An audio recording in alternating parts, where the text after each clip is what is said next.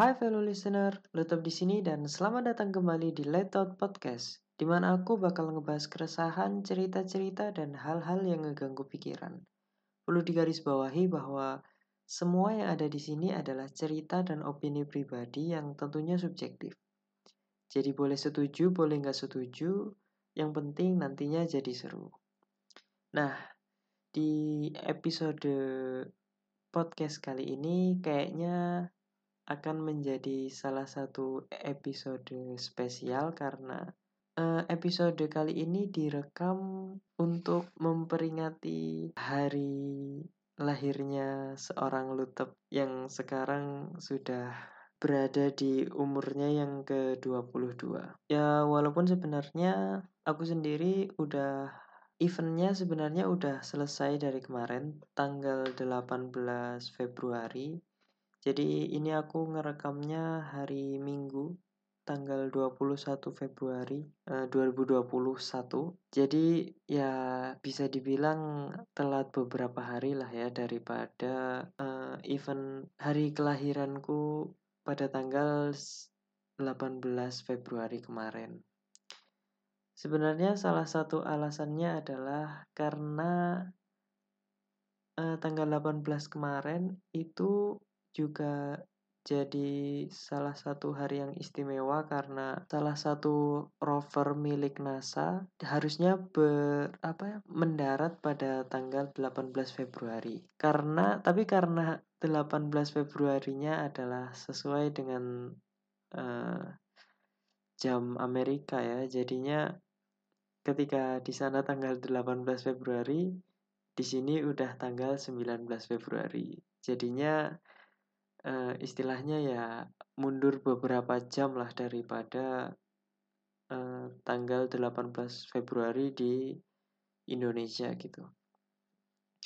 Dan untungnya uh, pendaratannya sukses tanpa kendala dan aku juga nonton juga kemarin tanggal 19 pagi jam sekitar jam 4 pagi aku nonton live streamingnya. Salah satu hal yang istimewa juga sebenarnya karena selain uh, mendaratnya sama-sama tanggal lahirku juga ya.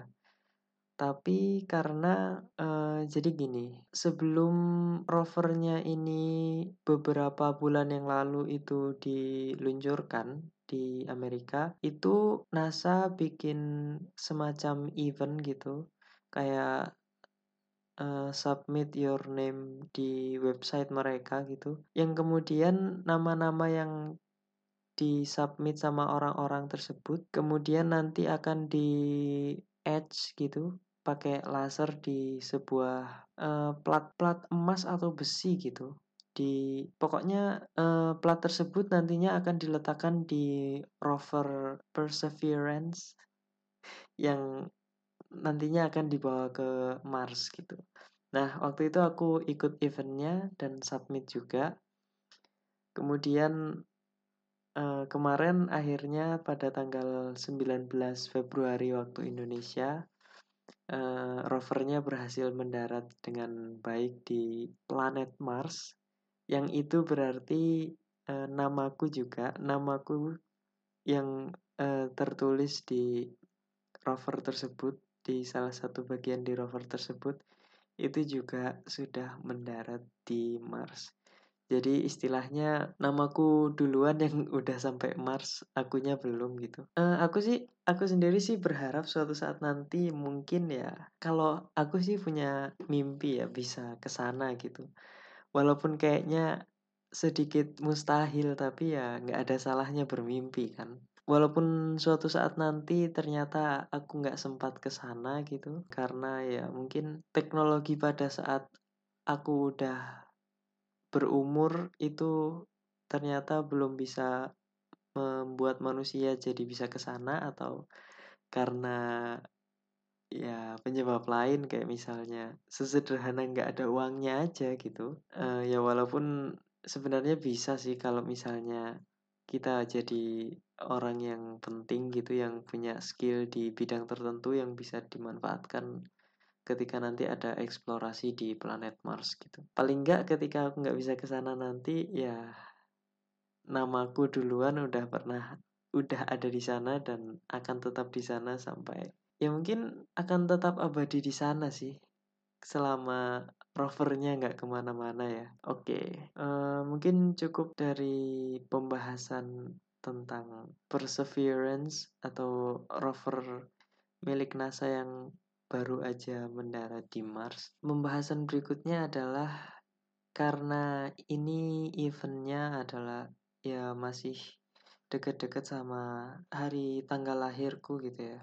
Jadi mungkin ada baiknya di episode kali ini uh, aku bakal buat semacam apa ya? Uh, mungkin semacam berkontemplasi lah ya. Apa apa yang seharusnya segera diubah di tahun-tahun yang berikutnya dan apa-apa yang seharusnya dipertahankan dan apa-apa aja yang seharusnya udah mulai ditinggalkan gitu. Kayaknya di umur yang 22 ini entah kenapa ya uh, feeling berubahnya itu bergantinya umur itu lebih kerasa daripada waktu aku kemarin berubah dari umur 20 ke 21 ya. Kemarin tahun kemarin itu kayaknya ya walaupun eventnya belum uh, pandemi belum begitu bahkan belum muncul di Indonesia ya tapi kayaknya tahun kemarin itu emang it's not a good year gitu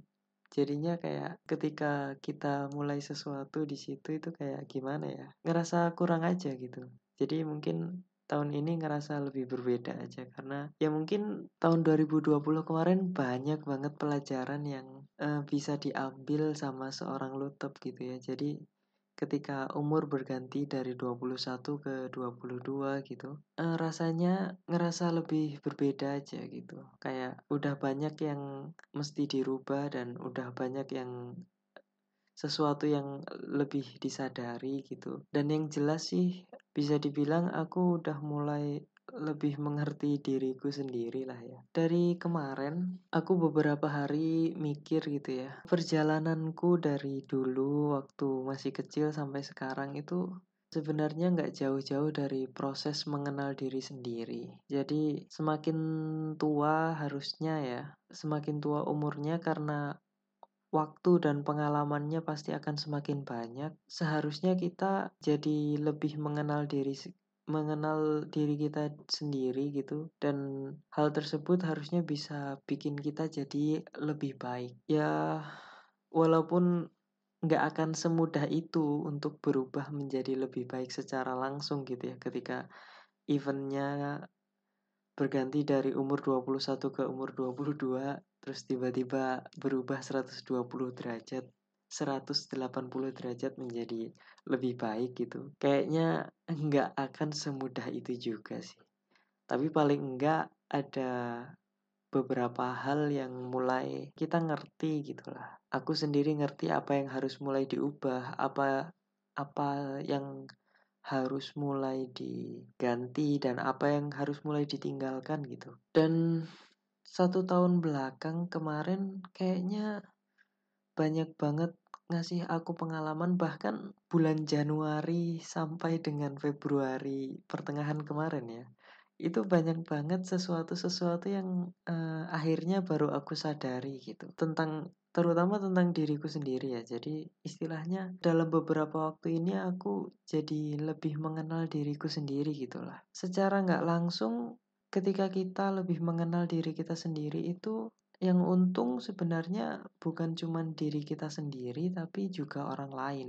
Karena kita sebagai manusia udah lebih mengenal diri kita gitu apa yang baik dan apa yang buruk sama kita gitu. Jadi secara nggak langsung kita udah bisa lebih mengkontrol lah apa yang akan keluar dan apa yang akan kita lakukan gitu. Jadi orang bisa lebih lebih apa ya lebih bisa menerima kita gitulah karena kita juga bisa mengontrol diri kita.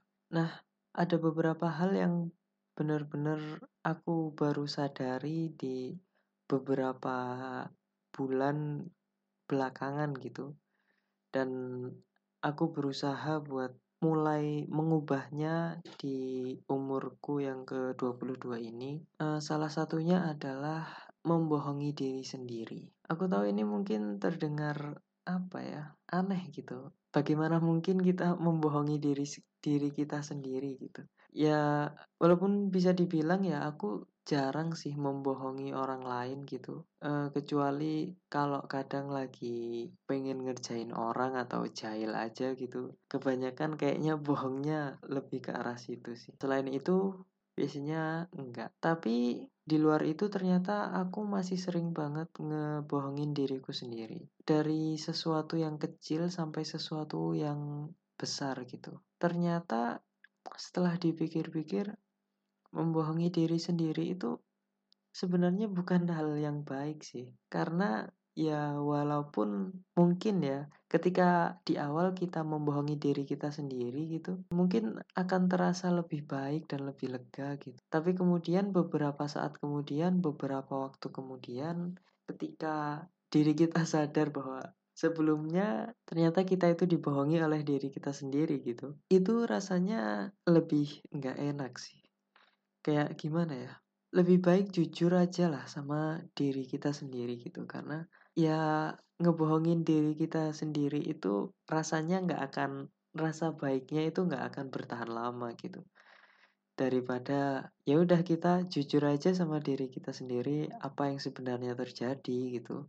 Ya walaupun di awal mungkin akan terasa nggak enak lah pasti hatinya nggak kerasa nggak enak atau diri kita sendiri aja bahkan pasti ada ngerasa yang ada ngerasa sesuatu yang sedikit mengganjal gitu. Tapi pada akhirnya ketika kita jujur sama diri kita sendiri, kita jadi bisa lebih ngerti apa yang diri ini butuhkan gitu. Karena ketika kita jujur pada diri kita sendiri, secara nggak langsung beberapa saat kemudian kita akan berusaha figure it out gitu apa yang seharusnya uh, diri ini butuhkan dan apa yang seharusnya diri ini beri untuk diri ini sendiri gitu. Jadinya ya secara jangka panjang pasti akan lebih baik lah untuk diri kita sendiri. Nah aku yakin sih banyak orang yang akan bilang secara sadar bahwa eh, ngapain aku ngebohongin diriku sendiri? gitu. Orang aku sendiri tahu kalau aku ngebohongin diriku sendiri itu terus ngapain? gitu tapi pasti banyak banget orang yang nggak sadar kalau ternyata ya mereka itu sedang membohongi diri mereka sendiri gitu kayak paling sering sih kita menganggap bahwa diri kita baik-baik saja padahal padahal sebenarnya kita sedang nggak baik-baik aja gitu. Ketika kita berusaha mengatakan bahwa diri kita sedang baik-baik aja, walaupun kenyataannya tidak gitu. Sebenarnya itu kan kita sedang membohongi diri kita sendiri ya. Sehingga ketika kita membohongi diri kita sendiri, hati dan otak kita itu nggak berusaha mencari solusi atas sesuatu yang sebenarnya terjadi karena kita sedang membohongi diri kita sendiri. Mungkin di jangka waktu yang pendek kita akan merasa sedikit lebih lega gitu. Tapi lama-kelamaan pasti akan terasa uh, sesuatu yang mengganjal itu semakin lama akan semakin meluap gitu dan akan muncul dengan sendirinya pada akhirnya muncul dengan dalam bentuk yang lebih parah dan itu bukan hal yang baik sebenarnya. Jadi ya lebih baik kita jujur lah sama diri kita sendiri. Karena ya diri kita sendiri itu kan sebenarnya istilahnya gimana ya? Kalau misalnya kita main, kita mengibaratkan hidup ini kayak film gitu yang sedang bermain uh, dan kita adalah tokoh utamanya gitu. Nah, tokoh secara nggak langsung pasti yang paling sering disorot adalah tokoh utamanya kan ketika kita tidak melakukan hal yang sesuai dengan apa yang seharusnya terjadi, pasti lama-kelamaan sesuatu tersebut nanti akan muncul dengan sendirinya di saat yang uh, tidak kita inginkan dan justru itu akan menghancurkan uh, skenario hidup kita gitu, uh, menghancurkan alur film yang sedang kita jalani ini gitu. Jadi pada akhirnya ya lebih baik kita uh, jujur sama diri kita sendiri agar paling enggak ketika kejujuran itu rasanya nggak enak ya rasa itu bakalan ada ya sebentar aja lah. Sebentar aja dan kemudian kita berusaha mencari tahu bagaimana cara uh, menanganinya bagaimana cara mengatasinya gitu. Pada akhirnya kita akan jadi uh, lebih baik ketika kita jujur sama diri kita sendiri. Kemudian ketika kita jujur sama diri kita sendiri ya kita kadang nggak sadar juga kalau kita membohongi diri kita sendiri itu bukan bukan tidak selalu hal-hal yang berhubungan sama uh, sesuatu yang tidak tidak baik.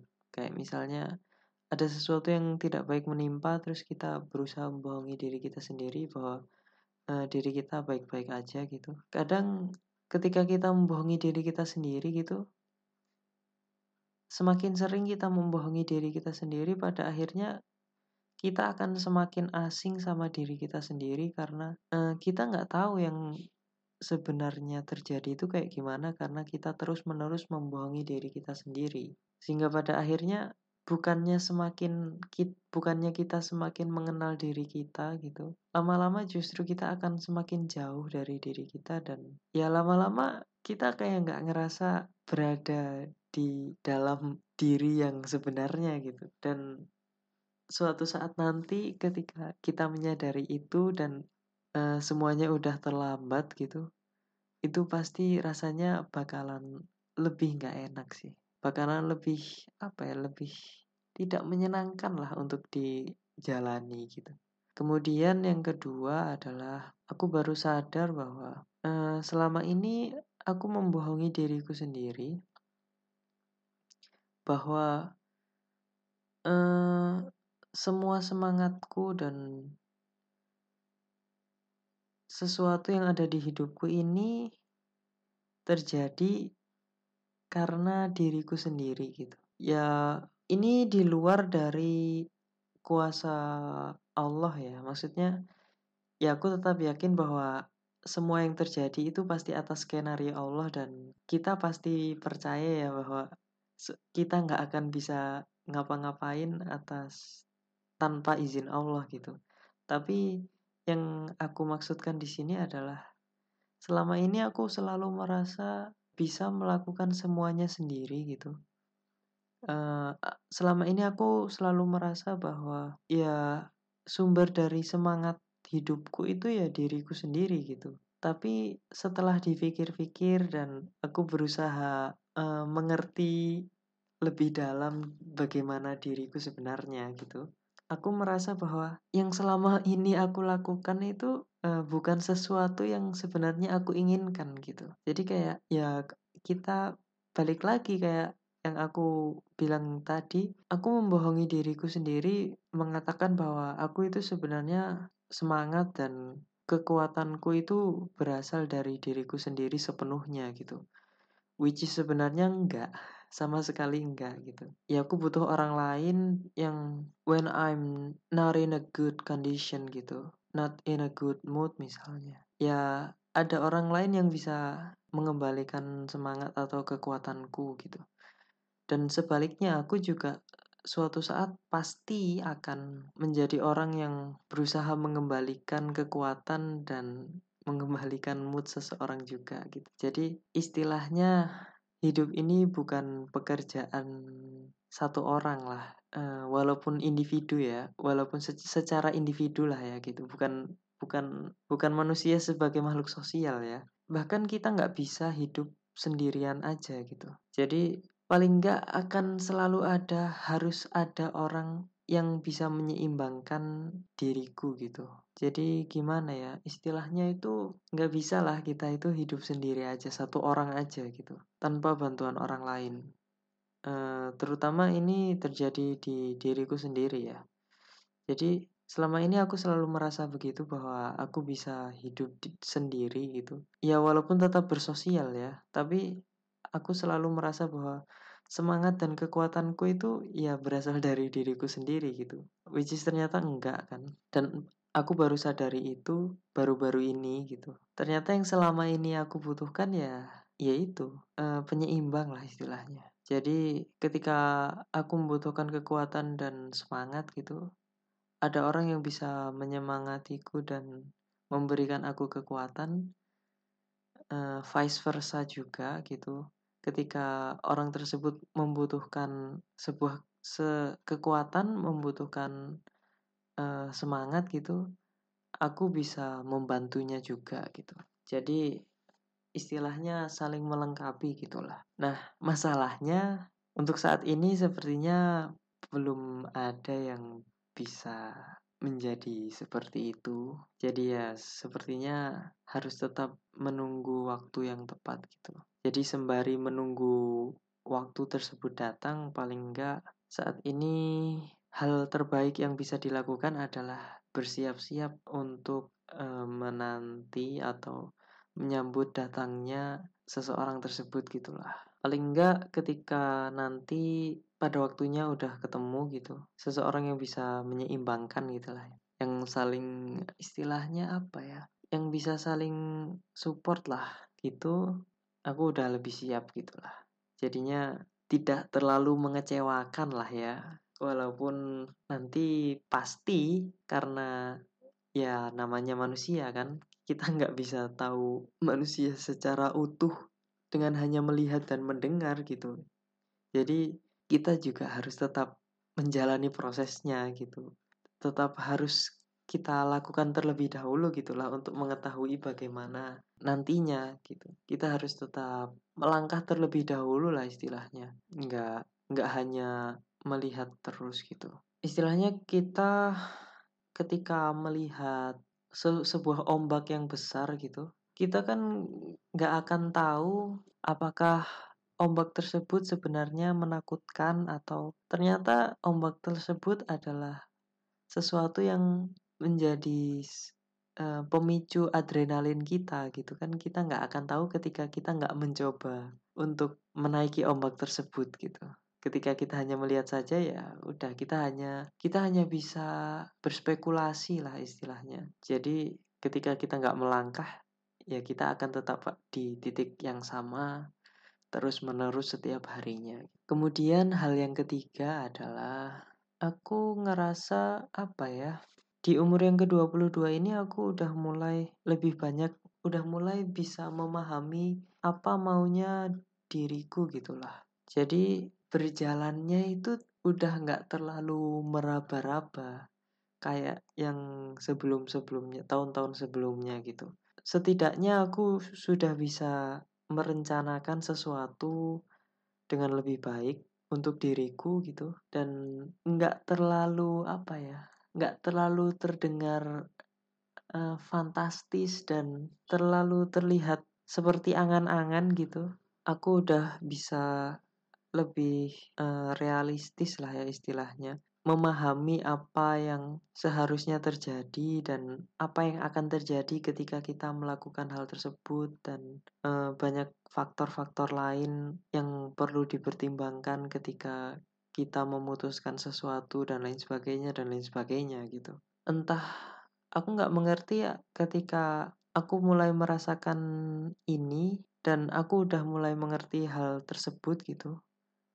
Di umur sekian apakah aku terlalu terlambat untuk mengetahuinya atau uh, ini adalah umur yang tepat aku juga nggak tahu jadi ya, aku tetap menganggap bahwa ini tahun yang sangat tepat sepertinya untukku untuk ya berubah untuk menjadi lebih baik lebih banyak lah karena aku udah lebih sadar gitu. Istilahnya ya aku udah lebih ngerti sama diriku sendiri lah apa maunya diriku gitu. Kemudian walaupun ada satu hal ya yang sampai sekarang aku masih sering sekali bertanya-tanya bagaimana cara mengatasinya gitu. Ada hal-hal yang ketika aku mencapai titik tersebut, aku nggak tahu apa yang harus aku lakukan sehingga pada akhirnya aku stuck di titik tersebut gitu.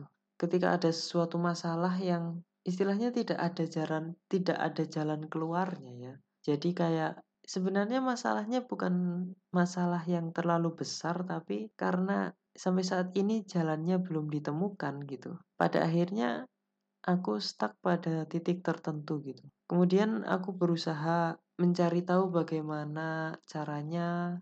Kemudian pada titik tertentu aku lelah memikirkan hal tersebut. Kemudian aku melencati masalah tersebut untuk uh, menyelesaikan masalah-masalah lain. Dan pada akhirnya ketika aku menemui masalah yang sama lagi, semuanya kembali berulang seperti itu, kembali lagi stuck di titik yang sama dan lain sebagainya dan nggak maju-maju lah istilahnya gitu.